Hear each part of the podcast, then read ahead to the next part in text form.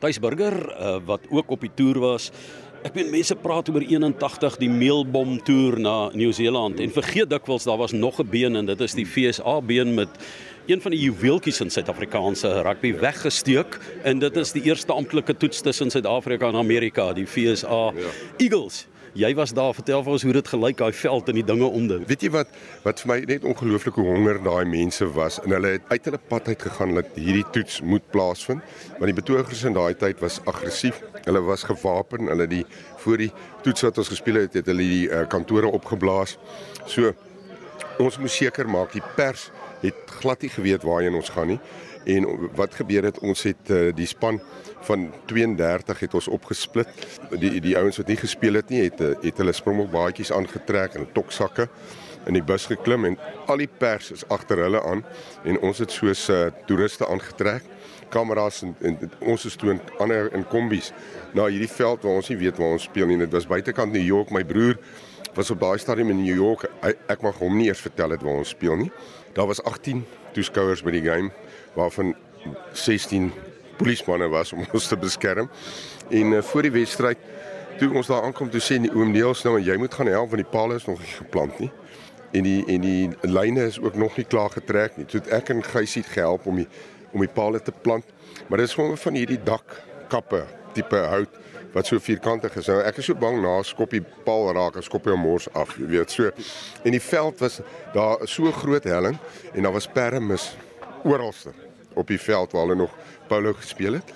En uh toe sê oom oom Niels vir my ouma ons is vlagman vergeet by die hotel. Ons het vergeet van hom en, en jy sal die vlag moet vat. Ek dink 'n keer Matthee 'n toets vir teen uh teen teen die FSA. En uh toe sê ek kom kyk om Niels, ek weet want die, ons vla in daai tyd die mooi groen met so stywe vlag. Sê nee maar hy het die vlag ook vergeet. En toe haal hy een van sy vuil sakdoeke uit.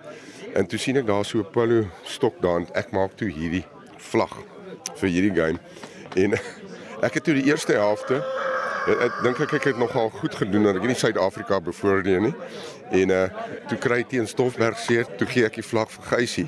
Toe hy die tweede helfte vlagman gespeel en toe gaan ek op die veld en toe druk ek my eerste toets 3 teen so ek het alles gedoen behalwe om die skeieregter te wees vir die wedstryd en die hoogtepunt van hierdie naweek is Geysie het vir my gewys uit die vlag laat teken deur almal van ons en met die telling. En toe het hy um, vir my gewys hoe hy die vlag gehou. Jy weet so dit is ek kan nie wag om die vlag te sien wat hierdie geskiedenis gemaak het nie want niemand sal dit ooit weer doen nie. en jy sal nooit weer daai twee rolle in een toetswedstryd kan speel nie. Nee, verseker nie. Soos ek sê, enigste ding wat ek nie gedoen het nie, ek was nie skeieregter in daai wedstryd nie. Een van Suid-Afrika se aanvallendste heelagters en 'n man wat 'n wedstryd kon swaai, Gysie Pinaar, maar ook 'n fantastiese vlagman in die FSA. Vertel vir ons 'n bietjie van daardie toetswedstryd, Gysie, waar jy aan die kant die vlag moes oorneem in Amerika. Ja, ja, en ek en Tuis was die vlagman kombinasie daar gewees. Hy was eerste vlagman, toe moes hy opgaan en toe vat ek oor by hom. So ja, wat 'n wat 'n ervaring was dit nie gewees nie. Wat baie interessant is, ek het nog steeds daai vlag, daai karwats met oom Nelie se sakdoek met al die handtekeninge en die telling op die op die sakdoek. Die vlag is in my versameling in my kelder in Bloemfontein. So niemand op hierdie aarde het so iets in hulle versameling nie. En dan hierdie uh vreemde omstandighede waarin jy gespeel het en soos ek sê, die weggesteekte toetswedstryd wat vandag nog eintlik baie min oor geskryf word, is die FSA ene, né? Die uh FSA Eagles teen wie hulle die eerste maal as Springbokke meegeding het en jy's 'n ou wat nou eerstaans kan vertel wat daar gebeur het want jy was langs die kant en een van 30 toeskouers daar. Ja, nee, verseker as ou vat ons het daar gekom. Ons het daar in die in die perdestalle het ons uh, aangetrek. Uh ja, ons was met ons siviele klere veld toe sodat niemand ons kon herken. Hulle het ons uh treye en skoene in 'n privaat voertuig gestuur. Ons het niks by ons gehad nie. Dit gelyk of ons besoekers in die land is. Ja. Ons het kom vakansie hou. Maar wat 'n voorreg was dit nie om deel te kon wees van die span nie. vir jou as 'n rugby speler wat later natuurlik jou maar meer moes wen tot provinsiale rugby en Karibeker eindstryde en so wat amper so groot soos toetswedstryde was. Hoe het jy as 'n Vrystaater nou tussen die Noord-Transvaal en die WP manne van daai tyd en die ander provinsies op en so meer aangepas? Hoe vinnig het julle as 'n eenheid begin beweeg? As jy nou hierdie naweek saam met ons kon wees, so jy was ook saam met ons gewees. As jy kon sien Noord-Transvaal, Vrystaaters, Transvaalers, WP, dit maak nie saak watter provinsie jy vandaan kom nie. Wat 'n klomp pelle is ons nie. Jy weet op die veld het ons mekaar gegrind soos hulle sê en uh, maar van die veld af was ons nog altyd pelle. Ek het meer vriende gemaak buite die Vrystaaters, byvoorbeeld die Noord-Transvaalers en die WP ouens en ek is nog vandag vriende met hulle. Ons praat nog gereeld met mekaar en soos jy kon sien nou op hierdie toe die hegte band wat onder hierdie groep is. Dis so ironies, 'n speler soos Dani Gerber het maar 24 toetse vir Suid-Afrika gespeel, 19 drie gedruk daarin oor 'n tydperk van meer as 'n dekade. Dis min of meer die verhaal van julle almal in terme van blootstelling aan internasionale rugby en toetse, né? Ja, dis hoekom dit vir ons so wonderlik was al het ons onder om daai omstandighede in Nederland gaan toer, want ons het nie daai voorreg gehad nie. Ek sou graag wou sien dat hierdie span as hy in 'n wêreldbeker kon deelneem, wat sou gebeur het. Want jy kon in Nieu-Seeland kon jy van die 30 spelers kon jy enige 15 kies vir die toets vir Saterdag. Almal is ewe goed gewees, so jy was maar net in 'n gelukkige posisie dat jy gekies is, maar jy kon enige speler in die groep kon jy kies om toetsrugby te speel. Provinsialisme was baie hard daai tyd. Ek het nie geweet of hierdie span gaan gel nie want ons het net te mekaar gespeel. Ons was beklei en beklei, stywe arms, laat tackles en uh en ek moet sê dit was vir my ongelooflike ervaring. My hardste wedstryd ooit was teen die uh Nieu-Seeland Maoris. Daai ouens was baie hard en ons het die game 15 elk gespeel, maar die Colin Beck drop was mis geweest, maar ek het ook maar gespeel die die game ook gespeel en toe omhels ek hom en die, ek weet die skeieregter was buite posisie toe hag ek hom en ek spring teen hom op omdat die bal oor is want die agter die paal het die mense ook opgespring. Jy weet en die skeieregter was toe nou verbaas want hy weet nie wat aangaan want die ondersteuners was bly die bal is mis.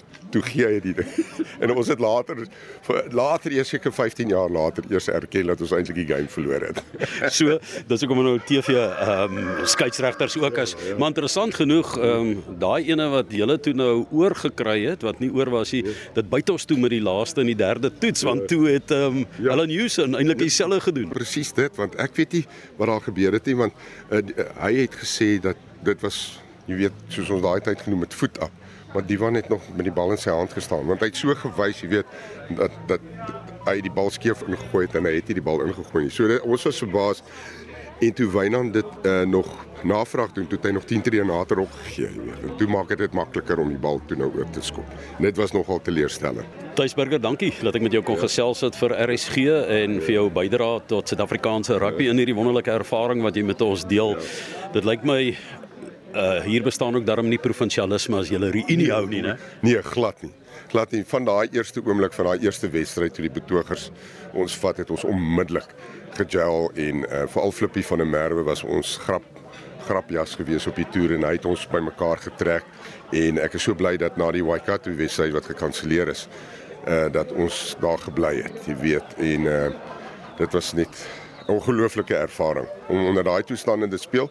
Nou weet ek hoe voel die spelers nou wat in hierdie bubbles moet bly en nie die mense moet sien nie, maar ons het in 'n bubbel gebly vir vir 3 maande, jy weet. So jy kan nog steeds speel vir jou land en en wen. Want soos hulle gesê daai tyd altyd my mate, winning isn't everything, it's the only thing.